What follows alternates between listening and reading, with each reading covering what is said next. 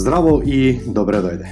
Јас сум Александар Кочовски и слушаш уште една епизода од мојот подкаст каде што зборувам за креирање на бизнис да ти служи, а не да му служиш ти нему. Секој успех има своја цена. Една од цената која што треба да ја платиме за да изградиме успешен бизнис и живот е лична едукација, а тоа е што представува моја страст. Здраво и добре дојде на 16-та подкаст епизода. Дали имаш чувство дека не си доволно продуктивен. Или може би си продуктивен, чувствуваш дека супер се вложуваш, работиш прекумерно, дури и по цел ден и по цел ноќ, може би и викенди, и празници, и се останато, но како да не испорачуваш доволно добро резултат.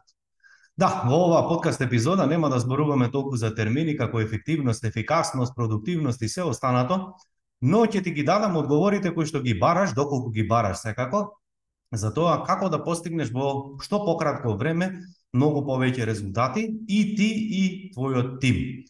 Зошто велам и ти и твојот тим? Затоа што најчесто кога често пати кога луѓето, односно предприемачите, доаѓаат со забелешка а, да им помогнам како да ги мотивираат подобро во работените, како да бидат попродуктивни, да испорачуваат повеќе резултати или да се трудат повеќе, секогаш одговорот е на, на другата страна, а тоа е како јас како прв човек да научам да бидам што попродуктивен, како да бидам помотивиран, што значи секогаш, секогаш, ама баш секогаш работиме на себе, а како ние работиме на себе, така и луѓето околу нас се менуваат. Значи првата, првиот заклучок денес е дека не можеш да влијаеш на луѓето, не можеш да ги натераш нели на, на некако да се променат, дури ако ги натераш тоа ќе биде ден два, а доколку сакаш траен ефект, она вистинско место, вистинска адреса за промена е да работиш нели на себе. Како ти работаш, така и останатото ќе се менува.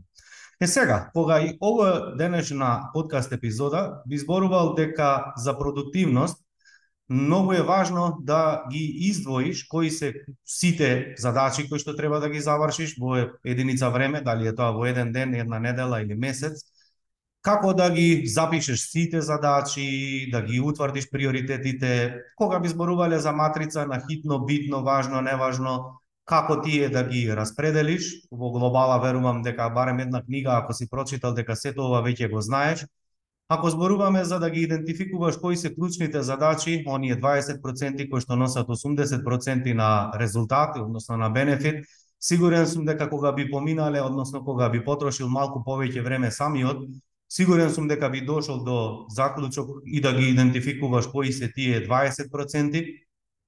Кога би седнале да направиме акцијски план, а тоа е нели кои клучни задачи од оние идентификуваните би ги распределил во текот на еден ден, што значи, еве, да кажеме она најчесто правило кое што јас и учесниците на мастермен програмот и со сите предприемачи кои што работам го применуваат, а тоа е да максимум во текот на еден ден постават само 6 задачи, од кои 3 за приватниот живот и 3 за бизнис делот, односно деловниот живот, и се додека не ја извршат првата најтешката да не поминат понатамо на следна задача, да идентификуваат блокови на работа, што значи во кој период од денот ние сме најпродуктивни, да се прилагодиме до она што е за нас блиско, што е познато за нас, каде што се чувствуваме дека сме најефективни и едноставно да продолжат со работењето и нормално да се фокусираат се додека не ги завршат тие задачи. Значи, ако зборуваме за продуктивност, ефективност, ефикасност, нема никаква наука, нема никаква филозофија, се ова звучи и изгледа познато, но прашањето е што се случува помеѓу, односно, оној момент кога ние планираме и моментот кога треба да ги извршиме тие задачи. Е, токму оваа подкаст епизода ќе ја наменам за онаа темна страна, односно на таа а, проблематика, нели, што е тоа што не спречува да и она, и она што знаеме да го направиме, супер сме го напишале, одлично сме го идентификувале, значи ние логика имаме, логичкиот дел супер ни функционира, нели? Све сме направиле, но не сме го испочитувале она што сме го договориле самите со себе. И ова не е пречка само за тебе, ова не е пречка само за мене, значи на сите луѓе им се случува, Но ова е огромна разлика зошто некои луѓе постигнуваат резултати, а зошто некои луѓе и се трудат, и трчаат, и работаат, и цел ден и цел ноќ ги нема и повторно не постигнуваат резултати. Јас ќе дадам еден пример мој, за да видиш колку уствари е комплицирана оваа тема, иако звучи дека е едноставна. Во минатото, кога имав собствен бизнис, а во предходната подкаст епизода, во 14-та ти дадов доста од дел од мојот приватен живот, она што се случуваше просторот, темната страна, помеѓу планирање и извршување беа моите внатрешни нерасчистени работи. Што е тоа внатрешни нерасчистени работи? Па види, кога ти си под љубоморен, кога си под стрес, кога ќе се соочиш сто пати со исти проблеми, секако дека ние стануваме паметни, нели? Си велиш, па добро, бе, не сум глуп, сто пати да ми се случува истата работа, да ме зезне клиент, да ме зезне клиент некој кој што не плаќа, некој добавувач кој што постојано ги крши роковите, некој вработен кој што постојано не внимава и прави грешки. Значи, ние добиваме иденти, иден, овај, добиваме нели сигнали каде треба да нешто промениме фактот што сме свесни да ги идентификуваме тие работи и тие импулси кои што ги добиваме, факт е дека ние сме умни. Но, што е тоа што доведува да и покрај тоа што го знаеме, повторно него испочитуваме. Е па еве како изгледа. Најголем дел од предприемачите се се да кажем на некој начин а, како вук самотњак што викалат србите или тоа би значило во превод ние сме осамени. Зошто велам осамени? Затоа што нас никој не не разбира. Никој не не разбира ниту во домот, никој не не разбира ниту во обштеството, нити другари, нити пријатели, едноставно никој не не разбира. Фактот дека колку повеќе и колку време поминуваме повеќе во нашиот бизнис, ние сме уште по, нели, на некој начин изолирани, затоа што веќе немаме кому да споделиме за проблемите кои што ги имаме, никој нас не не разбира поради тоа, премолчуваме доста работи, неколку пати сме искажале нешто па се злоупотребило покрај тоа, нели, и ни се удрило од глава и како ги добиваме лекциите од надвор, се си велиме, нели, ајде порно премолчи, порно ќути и на некој начин истите тие проблеми ги ставаме под тепих. Подоцна одиме на следен чекор што се вика читање книги, литература, нели? И ако некогаш си ме слушнал дека најголемо зло денеска е да читаш литература, буквално повторно тврдам најодговорно дека читањето прави проблем. Е, зошто прави читањето проблем? Затоа што прво не си го адресирал правиот проблем, второ читаш, бараш решение, но не читаш она што ти е потребно. Во минатото имав проблеми од што се должат на неликвидност, прекумерно трошење, лоша организација, незнаење како се води бизнис. Значи, еден куп работи кои што доведуваат до неуспех. И што правеше Александар? Па нормално чита кли, овај книги за самопомош или популарна психологија и ти читаш се што ќе ти дојде на рака, стануваш супер дисциплиниран и одговорен, мислиш дека се едуцираш, но што всушност читаш? Е, ова е одговорот. Одговорот е дека читаме се што ќе ни дојде на рака. Секој автор е супер и секоја книга е супер, Но дали е тоа одговорот по кој што бараме? Имаме еден проблем, сме го идентификувале погрешно, а бараме лек онамо каде што не, не ни е потребно. И кога ќе прочитаме за дисциплина, кога ќе ќе прочитаме автобиографии на успешни луѓе, кога ќе прочитаме психологија што ни укажува на нашите верувања, на нашите навики, на нашите ставови, искуства кои што примери кои што ги наведуваат во книгата, само уште повеќе ние го јакнеме она наше она наша слабост, нели, која што удира по идентитетот, ја не сум доволно добар, јас не сум доволно дисциплиниран, со мене нешто не е во ред, ете другите како се дисциплинирани, ќе напишат, ќе направат план, и се држат до него, па често пати ќе препорача некоја литература, некој, нели, и ти мислиш, аха, ево оваа книга таа што ќе ми го промени животот, па ќе прочиташ некој дисциплиниран човек кој што вели буди се рано, трчај, работи, ако сакаш да постигнеш повеќе резултати, значи повеќе да се трудиш и сето тоа мотивиран ќе ги направиш сите вежби, ќе потрошиш книга, време, часови, сето тоа да го испланираш и организираш и ќе дојде моментот за акција и ти повторно не можеш да го нели да го спроведеш во дело И наместо да го бараш проблемот каде што е, ти што велиш за себе, ет, јас не сум човек одговорен, јас одолговлекувам, јас прокрастинирам, со мене нешто не е во ред, јас не заслужувам, јас не се трудам доволно и подоцна бараме уште погрешно место за проблемите кои што сами условно несвесно сме ги создале. Што тоа значи дека подоцна како го афирмираме, како го јачаме оној внатрешен говор, уште повеќе ние нели го ја зацрснуваме таа врска со мене нешто не е во ред. Е, исто во ова ми се случуваше и со мене, се додека мојот ментор не ме освести, каде што разговаравме на една сесија за што литература читаме, колку ние се трудиме, И нормално како најголем дел од луѓето кои што и ден денес ги гледам, нели кои ќе дојдат на програм или имаат прилика да поразговараат со мене, и ќе кажат еј јас читам книга, читам по 50 книги, 100 книги, не знам, годишно. И кога ќе ги прашам супер, а што читате? Е, овде е тајната и онаја замка која што јас ја имав, дека всушност нели колку повеќе читам, уствари сум паметен. И што ме вели менторот, вели супер, кој е твојот најголем проблем кој што оваа година сакаш да го решиш и повеќе никогаш да го немаш? Јас велам константен прилив на клиенти, значи што повеќе луѓе да ме знаат, да се пријавуваат и велам да ја унапредам продажбата. Е супер. Веле, а што читаше минатата година и што кои книги ги прочита оваа година и јас му редам книги, она се трудам нели се што ќе ми текне да искажам. И всушност гледам како цинично почна да ми се смее. И веле, Епа добро, супер. Ајде да се подсетиме. Твоите два проблеми беа маркетинг, односно генерирање на нови лидови и затварање на продажба, односно поголема нели зголемување на продажба. А вели ти читаш дисциплина, психологија, однесување, значи тралала, тралала. Супер. Епа сега до заклучокот доаѓаме самите, а тоа е дека Наместо да, супер сме идентификувале, нели? Сакаме да се фокусираме на продажба и на маркетинг.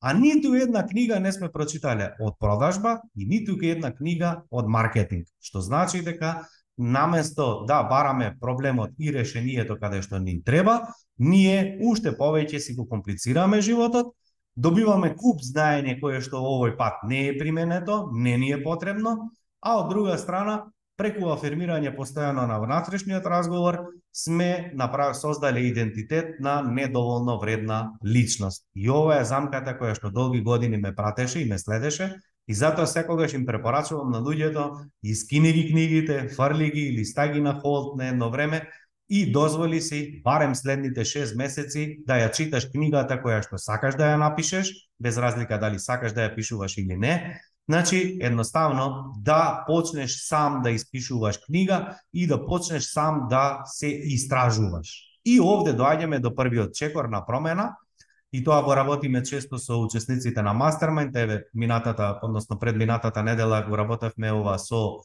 учесниците на Мастермайнд, каде што на секој одреден период правиме едни вежби, таму има прашалник со 105 прашања, каде што всушност треба доста доволно време да се одвои како би луѓето одговориле на овие прашалници, а тоа е всушност наместо да го бараат одговорот во книги, литература, други луѓе, клиенти, вработени или не знам каде, туку да погледнат длабоко, длабоко, длабоко во себе и дознаат кога тие се мотивирани, како ги мотивира, дали ги мотивира кога се под притисок или кога се опуштени, дали одат кон или бегаат од проблем. Дали ме мотивира кога ние сме под притисок или кога рековме кога сме опуштени. Како се чувствуваме кога донесуваме погрешни одлуки, односно никој не носи погрешни одлуки, сите луѓе носат одлуки што мислат дека ќе им донесат најправилно или нај најдобри одлуки кои што ќе им донесат најдобри резултати. Но токму зборувам за оние одлуки кога сме мислеле дека е нешто супер, а не сме добиле такви резултати. Како сме се чувствувале кога сме носеле таква одлука? Што сме си велеле? Како сме размислувале? Како сме се однесувале? Кои клучни активности сме ги правеле? Од друга страна, како, како ние сме размислувале кога сме донеле одлуки кои што се покажале дека се умни? Како во тој момент сме размислувале? Во кој период од денот сме размислувале? Дали сме биле под притисок или сме имале не сме се чувствувале супер? Дали сме размислувале од сабајле или навечер? Кога ние сме најпродуктивни? Дали кога ќе се разбудиме од сабајле првите 2-3 часа или можеби последните 2-3 часа? Кога сме креативни? Дали кога размислуваме, кога сме обкружени со луѓе или кога сме сами? Дали тоа кога е во природа или кога сме затворени во канцеларија?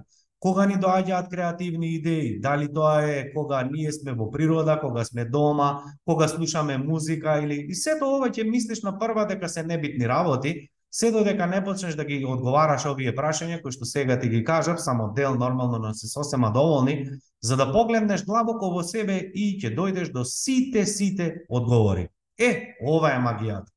Ова е тоа што си ти. Ова е тоа што тебе ти прилега. Обидувајќи се ние да се промениме, затоа што некој ни препорачал да се будиме наутро, да работиме по 100 задачи, да бидеме 100% продуктивни, да се носиме цели одлуки врз база на финанси, зголемија продажбата, врз база на нечива однесување, ми се допаднал нечив бизнис на некој, нечив производ или услуга, нечив живот, па подоцна нели не однело сето тоа во шума, Токму овде лежат сите одговори.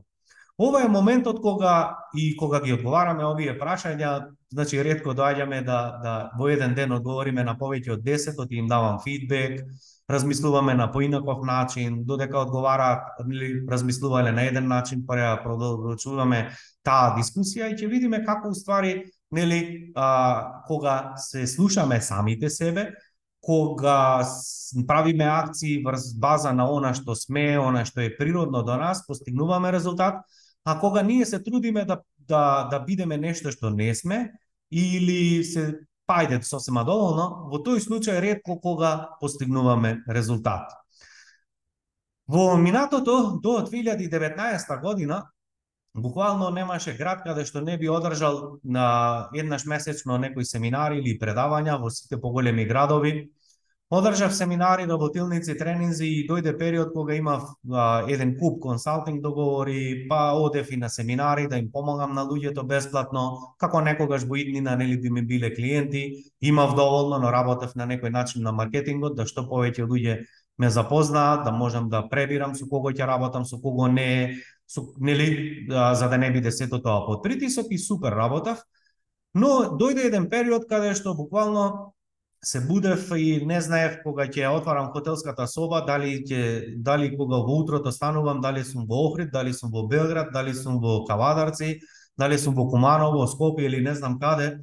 Оти а, се трудев, нели, работев тренинзи, обуки, договори, чуда правевме.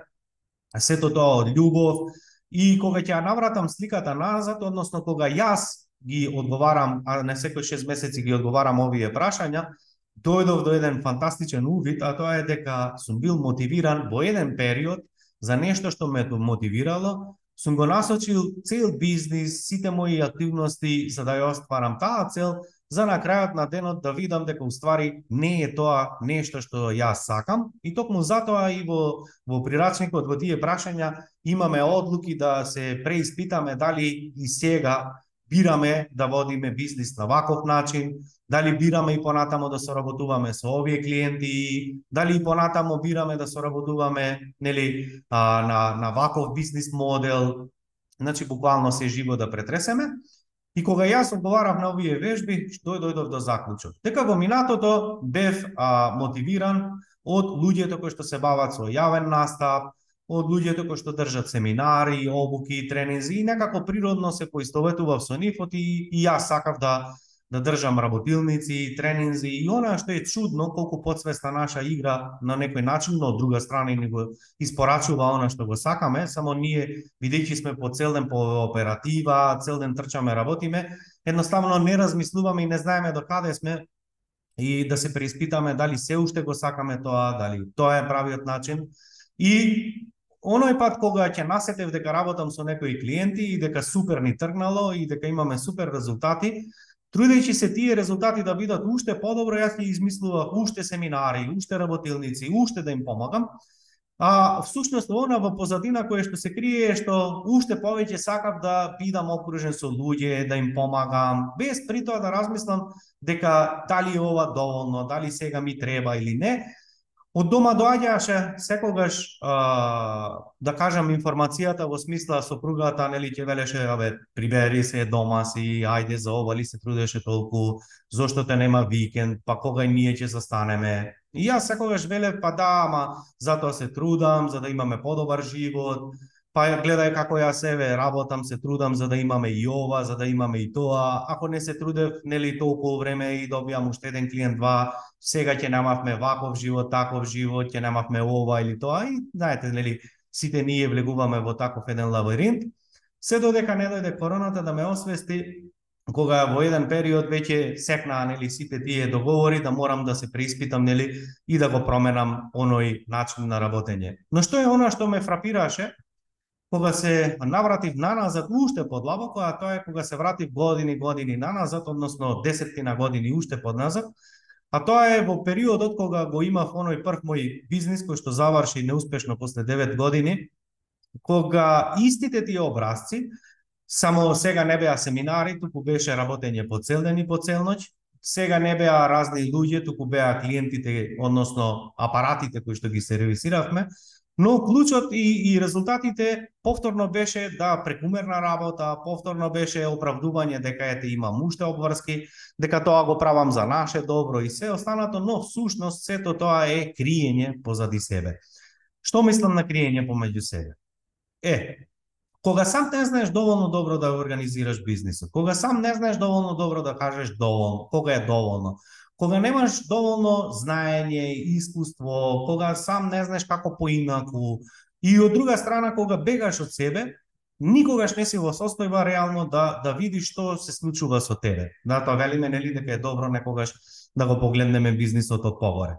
Често пати сопругата ми велеше, а, е, вака веќе не ми се излегува. Ти си со мене, ама као да не си. Телото ти овде, а умот ти е на друга страна.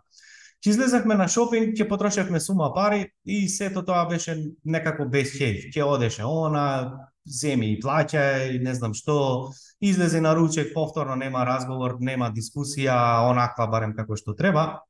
И и сето тоа требаше време да уствари седнам и размислам. На што уствари ова се должи? Еве на што се должи. Со тек на време рековме дека бегаш од немаш со кого да споделиш. Не сакаш да кажеш дека бизнисот не ти оди како што треба. Дека не е она што го живееш реалноста. Дека имаш проблеми со клиенти, дека имаш проблеми со вработени, дека имаш проблеми со долгови и од една страна ти должиш, од друга страна тебе ти должат. Сето тоа сакаш да ги заштитиш од досадни разговори, да не се жалиш често, нели, ние сме машки, срамота е како тоа да, да, да зборуваш, нели? И од друга страна што правиме? Па е, кога сме на работа размислуваме нели за дома, односно дека е време веќе да нели да се промениме, дека луѓето не заслужуваат околу нас, поготово кога ќе се мотивираш.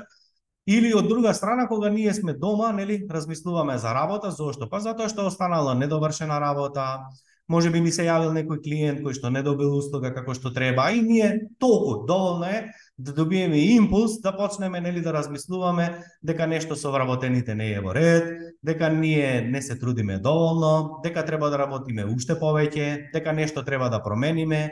Да, но каде го правиме тоа?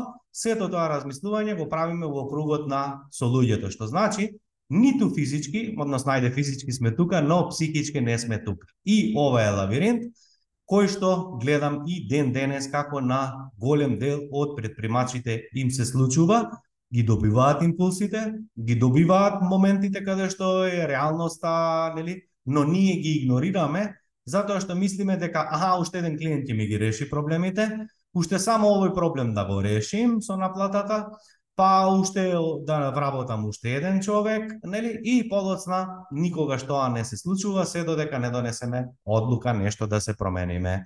И ова е магијата.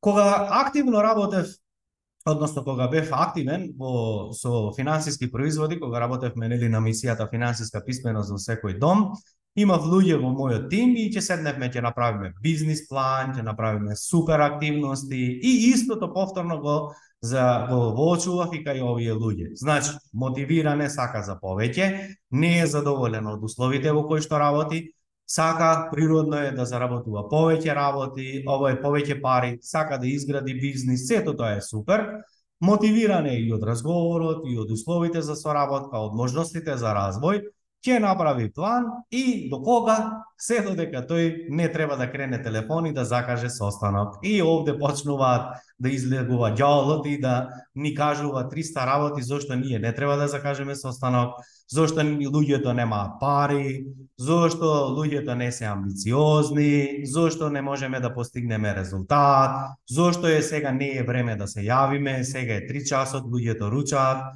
сега е 5 часот, па луѓето се одмараат, сега е 8 часот, па луѓето не знам одат кон работа. Значи ние имаме постојано изговори зошто тоа да не го направиме. Истото кога сме сами со себе ќе направиме то план, нели?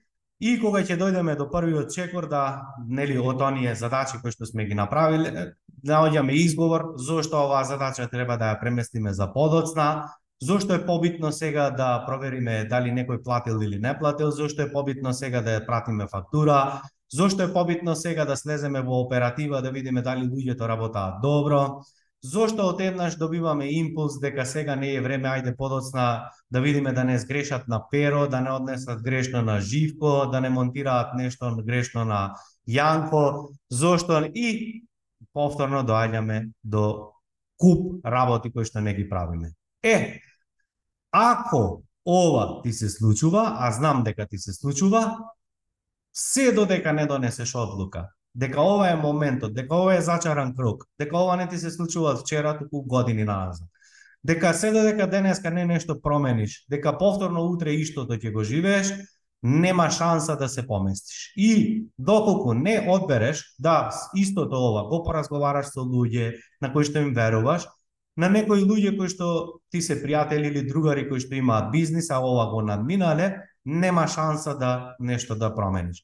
И ова е моментот кога луѓето и кои што соработуваат со мене добиваат буквално а, промена, инстант промена, уште истиот ден, кога ќе забележат и кога само ќе се свеснат дека ова трае не од вчера, туку трае со години. Кога ќе размислиме зошто не делегираме задачи, затоа што се плашиме од губење на контрола поради некаков исход. Кога ние не го бараме она што е од нас, нели, кога она не е договорен надвор од договоренето со клиентите или вработеното, вработените, затоа што се плашиме нешто да изгубиме. И ова бара активна работа со нечива помош. Е, ова книга не може да ти го даде, оти Како јас на книгата да ја дадам дека утре треба да платам струја, а немам пари? Како јас да ја кажам на книгата дека мислам дека не сум доволно продуктивен и не можам да станам во 5 часот, а затоа што уствари тоа не е решението, затоа што јас имам куп доволно време, 8 или 10 часа и од 8 да станам и од 10 да почнам да работам, а јас мислам дека ете затоа што сите успешни нели стануваат во 5 часот и супер се продуктивни, имаат 100% резултат, а јас немам и барам решение онам проблем онамо каде што не постои. И после читам книги, го навивам часовникот 100 пати во 5 часот и мислам дека со мене нешто не е во ред. Ова книга не може да ти го даде.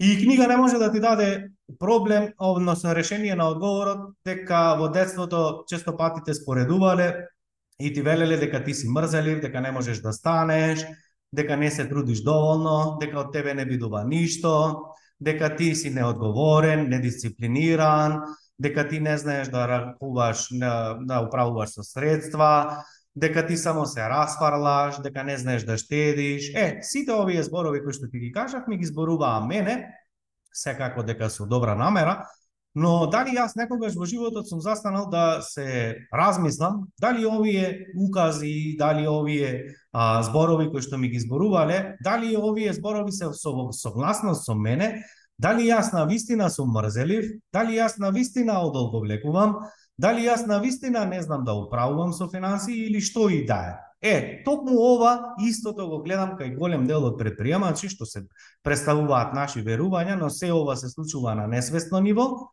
и нели ние на крајот на денот и покрај тоа што во последните 6 месеци сме имале раст од 10, 20, 30%. И покрај тоа што насиот бизнис е зголемен пати 2, пати 5 од минатата година, од пред 5, 2 години, 10 години. И покрај тоа што сега веќе заработуваме 5000 евра, 10000 евра на месечно ниво. И покрај тоа што нашиот бизнис вкупно се зголеми пати 100 од минатите, не знам, од самиот почеток, сепак ние се уште имаме чувство дека сме мали, се уште имаме чувство дека сме се млада фирма, се уште имаме чувство дека сме почетници, се уште имаме чувство дека немаме доволно заштеда, се уште имаме чувство дека не треба да вработуваме луѓе, се уште имаме чувство дека некако сме мали. Дека се уште треба да се мачиме, дека да, работењето два часа е неодговорност во текот на денот, затоа што сето ова е на несвесно ниво разговор со нашите верувања кои што ги имаме, сме ги собрале во детството, а подоцна не можеме да излеземе од зачараниот круг. Инаку, имено минатата недела, кога ги одговаравме токму овие вежби, интересно е кога ќе чуеш од луѓето дека сепак и покрај тоа што имаат а, заштеда за година дена, дури да не добијат нов клиент, дека не е време да вработаат човек дека не е време за да градат системи. Иако веќе правеле системи, иако веќе граделе, иако вработувале луѓе. И иако и покрај тоа што имаат финанси, имаат менеджмент тим, дека сега не е време за да ги споделат сите одговорност. Дека се уште им недостасува време за контрола. И дека се уште не е време да се опуштат и да кажуваат во, луѓ, на, во кругот на луѓе како они реално се чувствуваат, туку намерно се смалуваат. Што мислам овде? кога сме во некој круг на луѓе и кога некој ќе ни се жали, кога некој ќе ни каже дека е криза, дека е немаштија, дека луѓе, дека фирмите не плаќаат. И кога имаш ти чувство и знаеш дека дека не е баш така, туку тоа е ретот и реалноста во кој што тој верува, И наместо ти да речеш, а, види, тоа е твоја реалност, но јас имам поинакво мислење, мој, еве, моите клиенти плаќаат, со клиентите со кои што соработуваме супер, пла, имам вработени кои што фантастично се трудат, што ние правиме? Па намерно се смалуваме за да не повредиме некого и што велиме ние, па да, така е, криза е, што да правиш. Затоа што во минатото стопати нели сме се потрудиле да некому нели ете го потикнеме, да му докажеме, покажеме односно дека не е баш така, дека до него е, дека он а, има некои предрасуди на кои што треба да работи. И сме добиле, нели, илјада пати из, ова, изговори дека абе тебе ти е лесно, ти имаш тоа, ти имаш поголема фирма, ти одбра прав момент, па лесно ти е тебе имаш добри луѓе, или нели, за да се заштитиме од стопати исто искуство, нас не е полесно да едноставно се смалиме и да речеме да, да, окей, да, така е. Но, што всушност правиме во овој момент? Со самата потврда што им ја даваме на луѓето, Со самото она што ние се намалуваме, она што е проблем што ми се случува е да уствари несвесно го саботираме бизнисот. Зошто? Затоа што тоа е идентично како да одиш во црква и палиш свеќа и велиш Господе дај ми три клиенти кои што ќе плаќаат 10.000 евра плюс месечно, а на излегување среќаваш некој пријател твој и разговараш исто и подоцна праќаш несвесна порака на Дедо Боже дека ти не сакаш тоа. Затоа што нашата подсвест и универзумот не функционира на начин дека а, не разликува како ние разборуваме со едни луѓе, а како дома кога сме сами, или како разборуваме пред клиентите, а како кога не сме тука, туку едноставно на која вибрација сме ние, што ние афирмираме и на некој начин ние самите несвесно си правиме проблем. Зошто проблем? Затоа што во еден момент посакуваме нешто, а во истиот момент се демантираме. И знам дека ова е тешко за да го готнеш, ако искуствено не се замислиш и да видиш како уствари самите не, на некој начин се саботираме. Е, каде почнува кругот? Е, па кругот почнува на начин кој што ја менуваш околина. Значи, ако ти сакаш да бидеш продуктивен, дружи се и окружи се со луѓе кои што се продуктивни. Ако ти сакаш да заработуваш повеќе, е, па движи се во круг каде што е нормално да разговараш дека заработуваш, не знам, 10, 20, 50 илјади евра, дека е нормално да одиш на одмор како што ти сакаш, дека е нормално да возиш автомобил како што ти сакаш, дека е нормално да пиеш кафе од 20 евра и дека е сосема окей да одбереш, не знам, 3 дена на место 100 дена одмор, дека е сосема нормално да одиш ти 100 пати на годишен одмор или викенд или како и да е. Затоа што во тој круг нема да се менуваш она што не си, затоа што ти си го не само заслужил она што е, туку и на тој начин а, само уште повеќе ќе добиеш уште повеќе од она што го сакаш. И сега ќе кажеш, па да, ама јас немам такви други, другари, јас немам такви луѓе, моите другари се вработени некаде, имаат фиксна плата, а, околината моја нема такви луѓе. Епа супер. Но, дали тоа е сега изговор твој на нешто што треба да работиш? Па да. Затоа што дали е добро да бидеш најпаметен во просторија каде што а, ти си најпаметниот, ти заработуваш највеќе, или е најдобро да влезеш во некоја средина и околина каде што 10 луѓе заработуваат 100 пати повеќе од тебе, а ти заработуваш најмалку. Од кого ти ќе научиш повеќе? кога ти ќе им кажуваш на луѓето дека се деградираш, дека е супер, дека е сосема во ред да да да да дека они се супер и голташ нормално, да не зборуваш вистина, иако знаеш дека не е така, или да влезеш во круг на луѓе кои што ќе кажуваат нешто за кое што ти се уште сонуваш. Е, ова е личен раст и развој што не може да ти го даде книга. Ова е една од причините зашто луѓето кои ќе дојдат на, на работа, на групен коучинг, кои што напредуваат понатаму. Ова е моментот кога ќе се измешаш во круг и ќе кажеш е, знам дека грешам, се е во ред со мене, не сум мрзелив, не одолговлекувам, се е супер со мене, само што едноставно и покрај тоа што, не знам, година, две, размислувам дека е време да направам X промена, Нешто се случува со мене и ме саботира и едноставно пишу, бриши, стопати правам ист тоа, но не го спроведувам. Нешто има проблем со мене. Ова е моментот кога јас почнав да ги правам промените. Затоа што ќе се пријавев на некоја обука и подоцна од надеж дека не знам ќе наплатам, дека ќе заработам до тој период и кога ќе дојде моментот да треба да уплатам, едноставно немам пари. Ова е моментот кога ќе пишеш три работи дека во текот на денот ќе направам, а едноставно правам 300, а тие три клучните не ги правам. Зошто? Затоа што имам отпор некаков кон оние три задачи кои што знам дека треба да ги направам, знам дека се клучни, но не ги правам. Ова е моментот кога луѓе ќе дојдат на мастермајнд и кога ќе кажат Александар, знам дека е се во ред со мене, Знам дека се трудам, знам дека можам повеќе, но нешто ме саботира, нешто е проблем.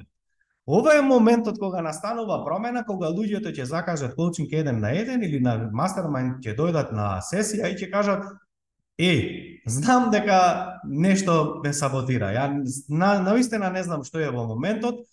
Напишав план, направив тоа, но не правам акција. Помагај. Ова е моментот кога ние растеме. Ова е моментот кога луѓето се големи.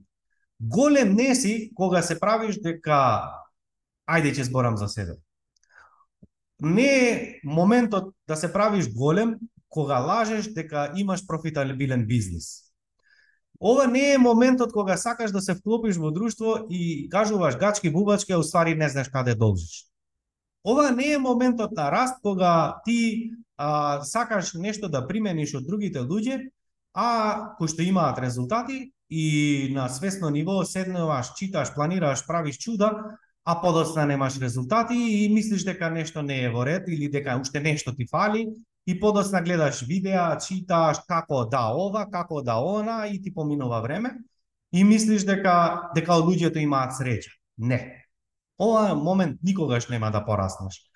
Моментот кога ќе пораснеш е кога ќе извадиш пари и кога ќе платиш и кога си понизен. Моментот кога ќе дојдеш и ќе кажеш, еј, не можам да заспијам навечер, сон не ме фаќа. Ама не поради тоа што си пил кафе доцна, ама не поради тоа што си пиел пиво на вечер, ама не поради тоа што некој те изнервирал, ама не поради што, не знам, нешто не ти е денот, се сменила климава, туку затоа што не можеш да заспиеш затоа што чувствуваш, знаеш дека можеш многу повеќе, дека ти е преку глава од клиенти кои што ти викаат прати ми понуда, да размислам, дека ти е преку глава од вработени кои што не се трудат, дека си вработал, не знам, и ти е жал да го отпуштиш, дека не знам, нема пари, дека е криза, ама не поради тоа што ти е прв вработен па ти е жал, а идиот, ама не поради што илјада причини, туку затоа што немаш храброст да го спроведеш она што и онака си свесен. Знаеш дека треба, ама нешто те спречува. Затоа јас верувам секогаш во луѓето дека ние знаеме се што ни е потребно. Дека не ни треба ниту една книга, ниту еден семинар, ниту една обука, ништо апсолутно не ни треба. Туку ни треба огледало, ни треба човек кој што ќе ни каже дека се е во ред со нас.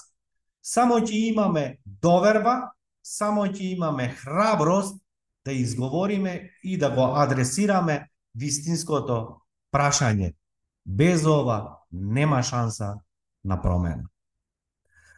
А сето ова, не знам колку веќе може помина половина час овој подкаст. Би се завршил многу едноставно, но ова го знаеш и сам. Ќе речат, Александар, како да бидам поефикасен, попродуктивен или не знам што, како да заработам повеќе пари, како да вработам повеќе луѓе, како да го скалирам бизнисот. Многу едноставно би ти кажал. Напиши ги сите задачи во текот на денот кои што ги правиш ти и тимот. Прво направи за себе, за да ти биде полесно, кој ќе видиш кај тебе дека функционира, ќе ти биде полесно да го бараш тоа од другите. Е, запиши ги сите задачи. Шетај со листи пенкало три дена и продолжи и понатамо да работиш како и до сега, ама овој пат само запишувај. Покрај тоа што ќе запишеш, се што правиш и што не правиш, немој да легнеш да спиеш, се додека не водиш дневник. Значи, запиши како си се чувствувал, кои одлуки си ги донел, што си размислувал, што си сакал, што не си направил. Прави го ова три дена. Подоц на третиот ден, земи, идентификувај ги сите овие задачи. Кои ти носат пари, а кои не ти носат пари. Кои овие задачи долгорочно ти носат бенефит, а кои задачи ти се всушност гасење пожари. Колку од овие задачи ги повторуваш со години и си велиш веќе дека нема да ги правиш, а повторно ги правиш. Кои од овие задачи може друг да ги направи, а не мораш ти да ги направиш. И овие задачи да ги делегираш, а оние задачи кои што нема кој друг да ги направи наместо тебе, задржи ги за себе.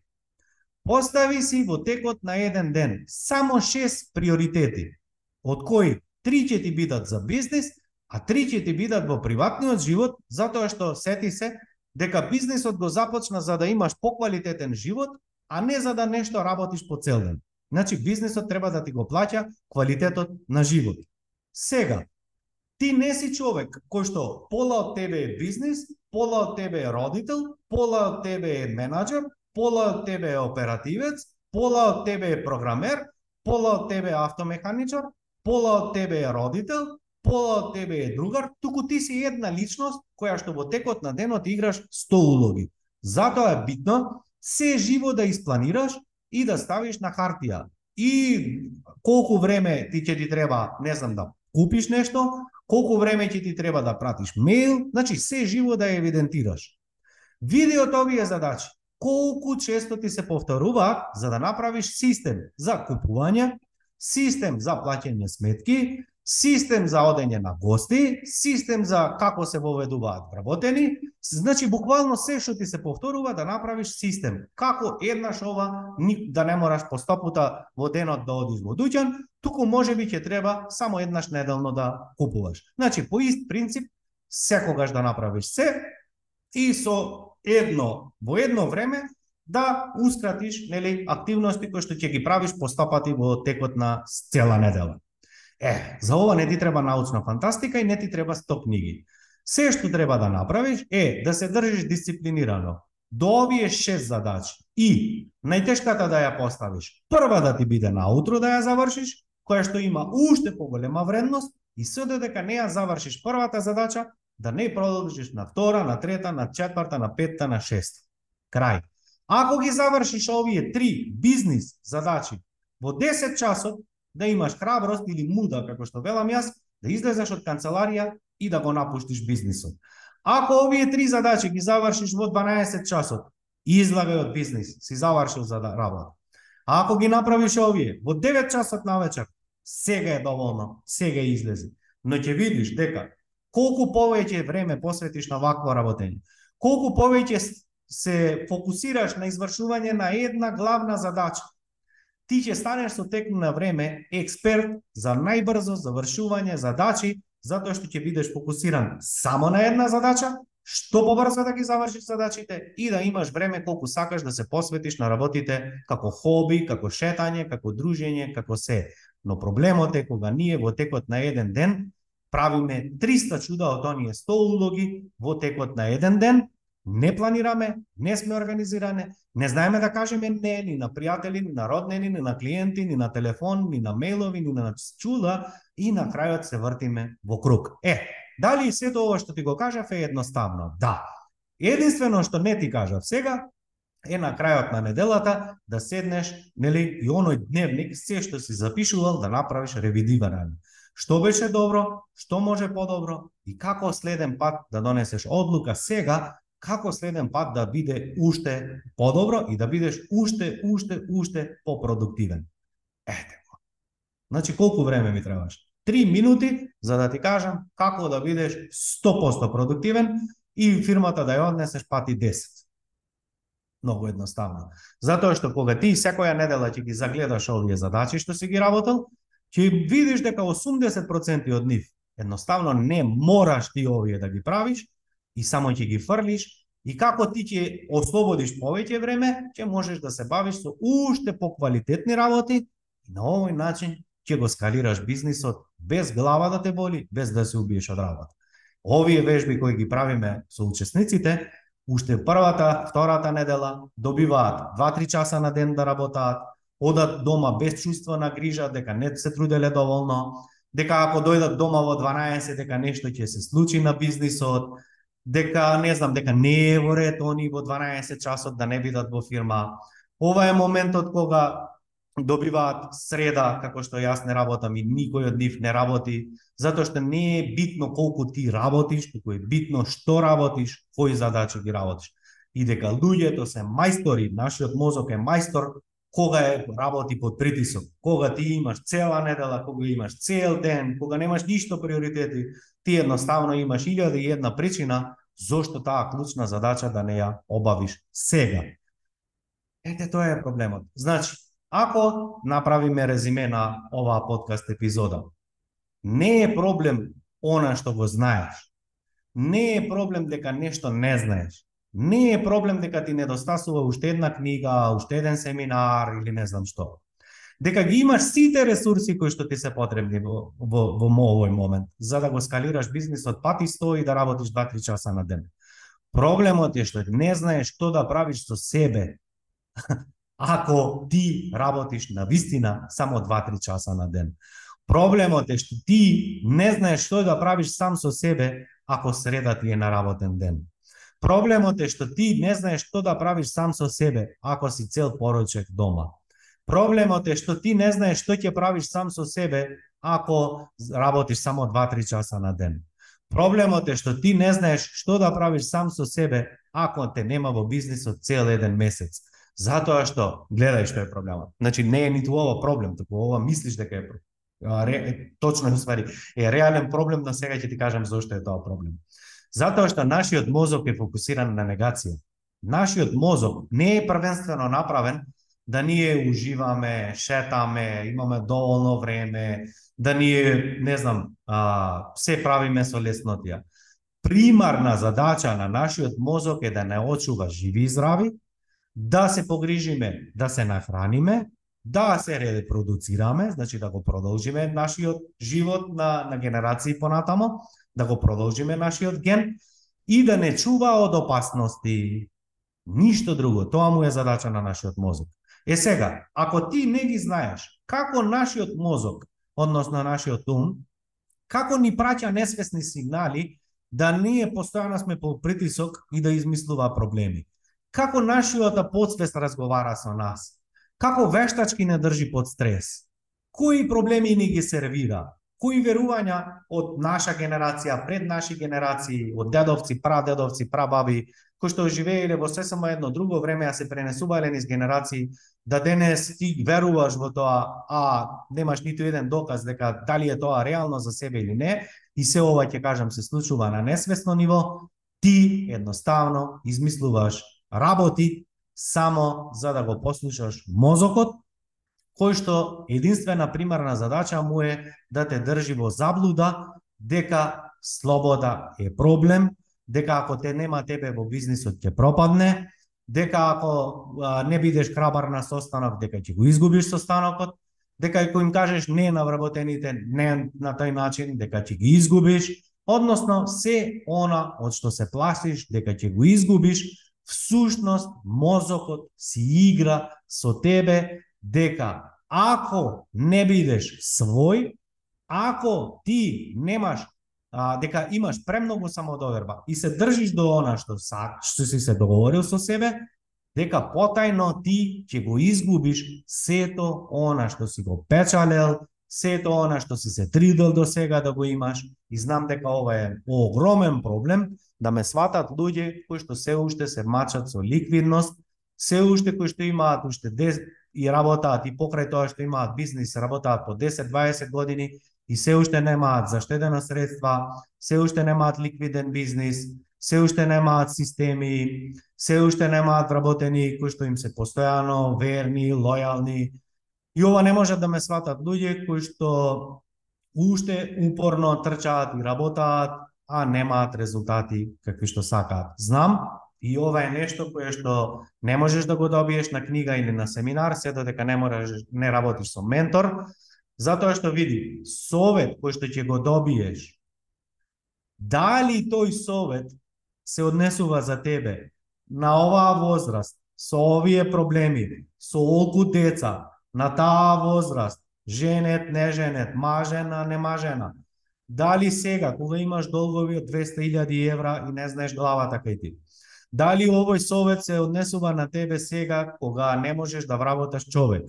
Дали сега се однесува овој совет за тебе кога ти сакаш, не знам, да, да го скалираш бизнисот или сега кога заработуваш 10.000 евра, имаш чувство дека ако нели не направиш некоја промена дека ќе го изгубиш сето ова позади тебе. Значи, едно, еден совет не е подеднакво важи за сите. Ова е проблем што ти прави читање на книги. Еден совет не е универзален за секого. И повторно ќе кажам, книгата не може да ти даде фидбек, да ти рече, Александар, дали си се прашал дали се уште сакаш да држиш семинари по 100 на месец? Дали се уште сакаш да бидеш one man show кој што се докажува на луѓе дека еве ти можеш, дека еве вредиш, дека никој не ти треба, дека еве постигна нешто или не знам што.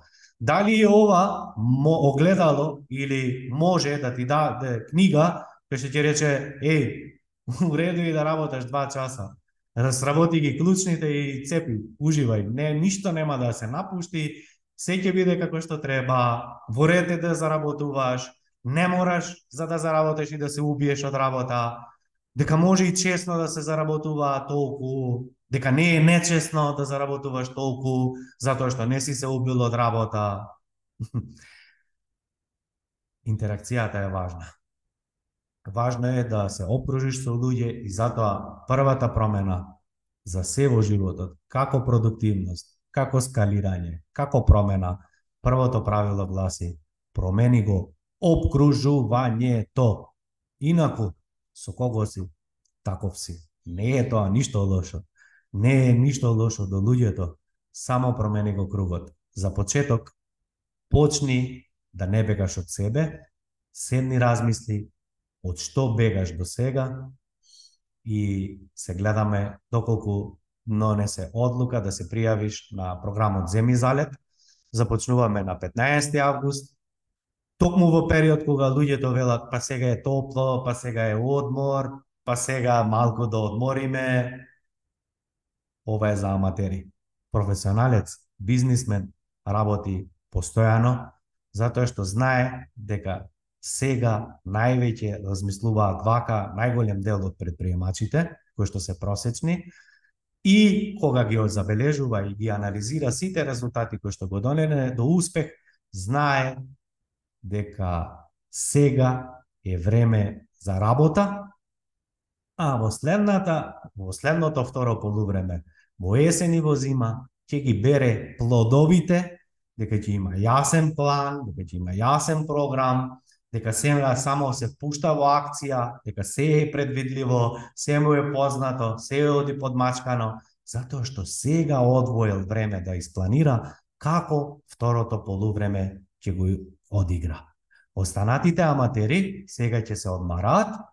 Во септември натамо, нели ќе слушаат зима е, ладно е, дрвата се поскапе, а струјата се поскапе, сега луѓето немаат пари, сега е зимница, сега а, родителите купуваат за децата патики, школска опрема, училишен прибор, подоцна дрва, огрев, па подоцна било врнежливо, па сега кој ќе купува, и ти, драг мој пријателу, ќе ги купиш овие верувања, затоа што и ти веруваш во сето ова.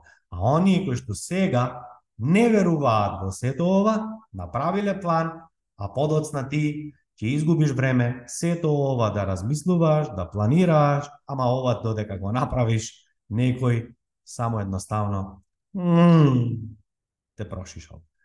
Се гледаме по програмот доколку одлучи, ако не, супер, остани и понатамо, ќе се слушнеме и видиме во следната 17-та подкаст епизода.